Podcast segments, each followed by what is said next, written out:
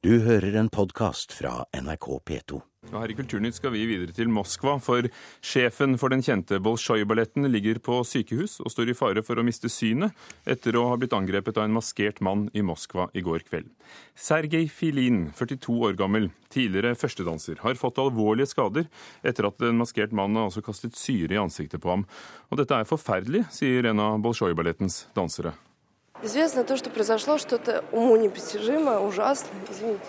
И не верится, что такие вещи могли коснуться мира искусства, да, то есть мы возвращаемся в какие-то 90-е, и почему это касаемо театра, почему это коснулось Noe forferdelig har hendt. Det er vanskelig å fatte at slike ting skjer i kunstverdenen. Det er som om 90-tallet er tilbake, sier Anastasia Meskova. Morten Jentoft, eh, tidligere Moskva-korrespondent.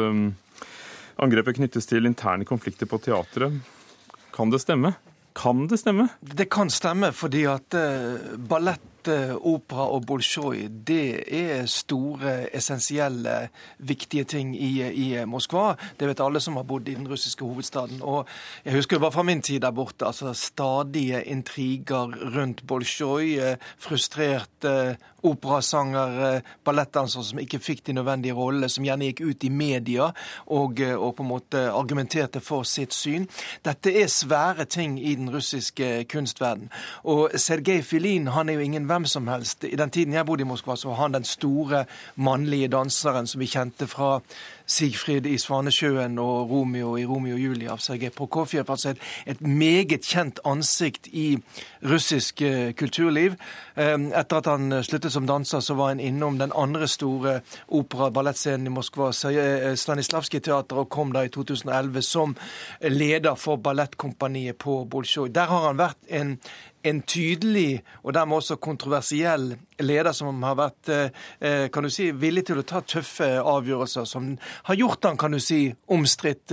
Enkelte har gått ut og kritisert han veldig hardt for den måten han går fram på, eh, mens andre mener at det er nødvendig å være såpass hard i, eh, i jobben som leder for kanskje verdens fremste ballettkompani. Ingrid Lorentzen, vi har med oss deg også, sjef for Nasjonalballetten, og også stått på scenen som solist. Hvordan kan det bli så ille i dansemiljøet, hvis dette stemmer at det er det som ligger bak syreangrepet på, på, på en ballettsjef, din kollega? Jeg syns det høres helt uh, absurd ut. Og det er klart at det her sprer seg som et sjokk i ballettverdenen ballettverden også. Altså et, et, sånn reaksjon ligner jo ingenting. OK, vi har sett Black Swan og vi har sett på en måte hevnaksjoner og sånne ting, men det her er uh, en type alvor som og i hvert fall dem jeg har rukket å snakke med i dag, ikke har hørt ja, Hva sier kollegene til. dine? Nei, Jeg snakka akkurat med Slava Samadurov, som er ballettsjef i Ekaterinburg, som er den tredje største kompaniet i Russland. Og han er fullstendig rysta, for jeg stiller jo han i spørsmålet er det her noen ting som Er det sånn i Russland at det her kan skje, på en måte? Er det her Forstår du det? For han har også dansa mye i Vesten. Og han sa det like absurd for oss som for noen andre. Ok, Han har vært omstridt, han er kontroversiell, han har vært en, som du sa, en tydelig, men omstridt leder. Men at uh, han syns det her virker om en veldig hevnaksjon, og at kanskje er det en privat historie som ligger bak. Det trenger ikke å være ballettpolitisk. Hva, hva, vet vi? Hva vet politiet foreløpig, Morten Jentoft? Dette skjedde jo i går kveld altså i, i sentrum av Moskva, da, da Sergej Filin gikk ut av sin bil. og han ble da, kan du si, eh, En mann kom mot ham da, som var maskert, og hev da syre, en væske med syre da mot ham. Og han er jo virkelig eh, tøft skadet, både brannskader, men farligst er jo øyenskaden. Den store diskusjonen i Moskva akkurat nå i kveld, jeg kikket litt på russiske nettsider, det er jo om eh, han kan behandles i Russland eller må eventuelt sendes til Belgia. Dette er jo også kontroversielle spørsmål å gå på russisk æreløs, at man ikke selv klarer da å behandle sånne ting i, i, i, i Russland.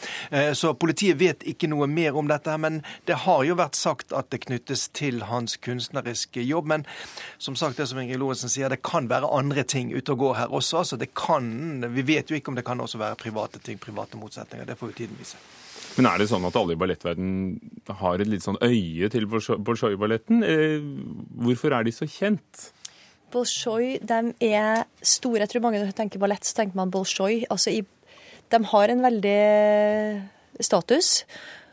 Uh, ballettens vugge er kanskje mer St. Petersburg. Um, det er der på en måte hvor hele alt starta, og de store klassikerne ble skapt. Bolsjoj har på en måte vært litt under en stund i kvalitet, og så kommet seg voldsomt. Og det er jo både Ratmanski og Filin som har gjort veldig mye for nivået, da.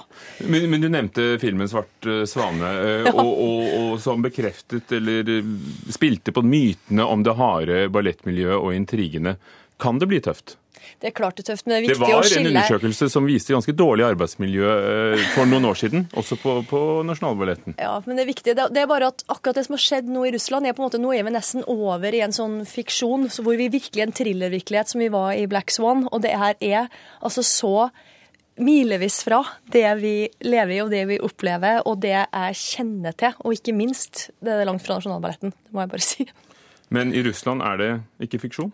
Ja, Dette er ikke fiksjon, og dette er jo svært. Dette er jo selvfølgelig en sak som alle russiske medier kaster seg over nå i dag, og lurer på hvorfor har dette skjedd, hvordan kunne det gå så langt? Er det virkelig såpass tøft på Bolsjoj? Ja, ballettsjefen altså fikk syre kastet i ansiktet. Takk skal du ha, utenriksmedarbeider Morten Jentoft og Ingrid Loresen. Du blir med videre, for du er med i vårt fredagspanel litt senere. Du har hørt en podkast fra NRK P2.